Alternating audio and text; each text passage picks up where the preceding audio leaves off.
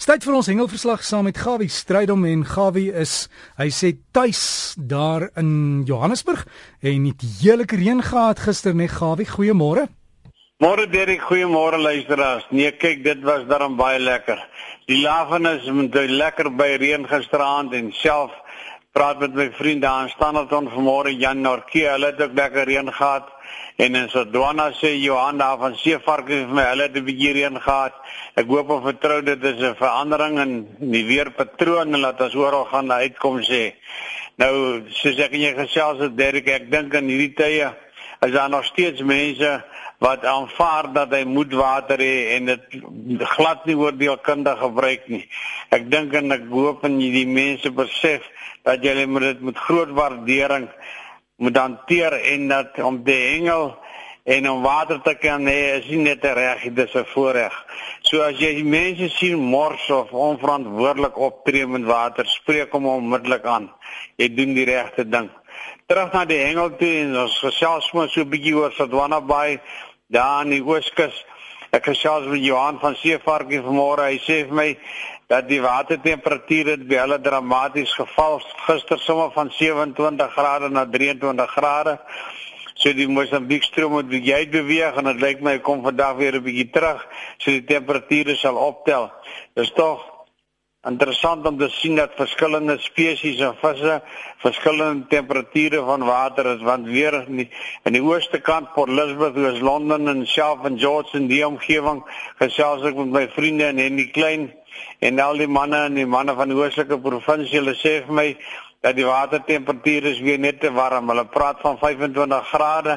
Nou vir daai deel van die wêreld is dit baie warm en dit maak natuurlik dat die vis glad nie aan die buite is nie en die water is baie skoon. Nou sê hy vir my so vuil water.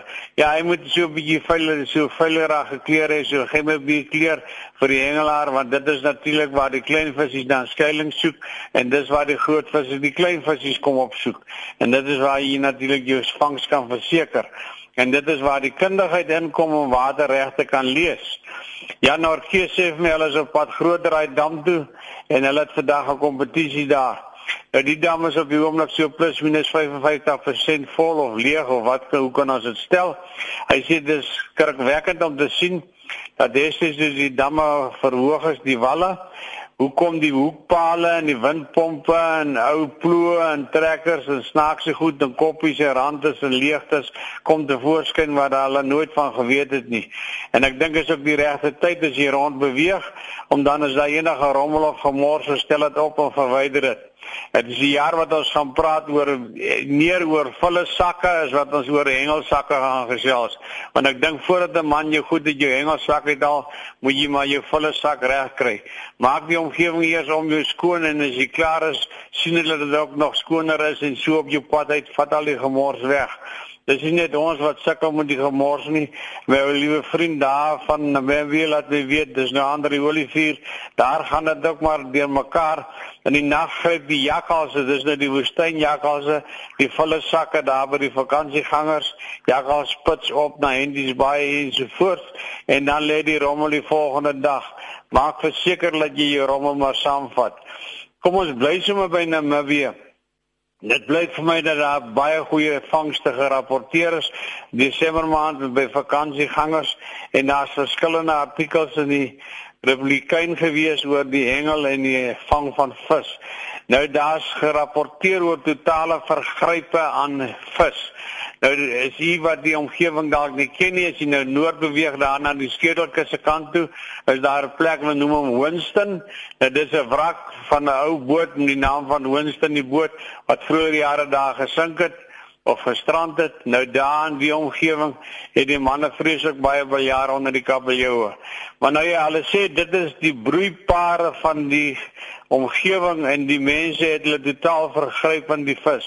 Jy mag slegs twee kabeljoue van 70 cm plus hê en dan mag jy nou 10 visse in totaal hê en daar's tot twee of drie persone wat oor die 40 galjoene gevang het. Nou wat 'n man met al die vis gaan maak daar in die hitte. Daar was nie genoeg vriesfasiliteite nie.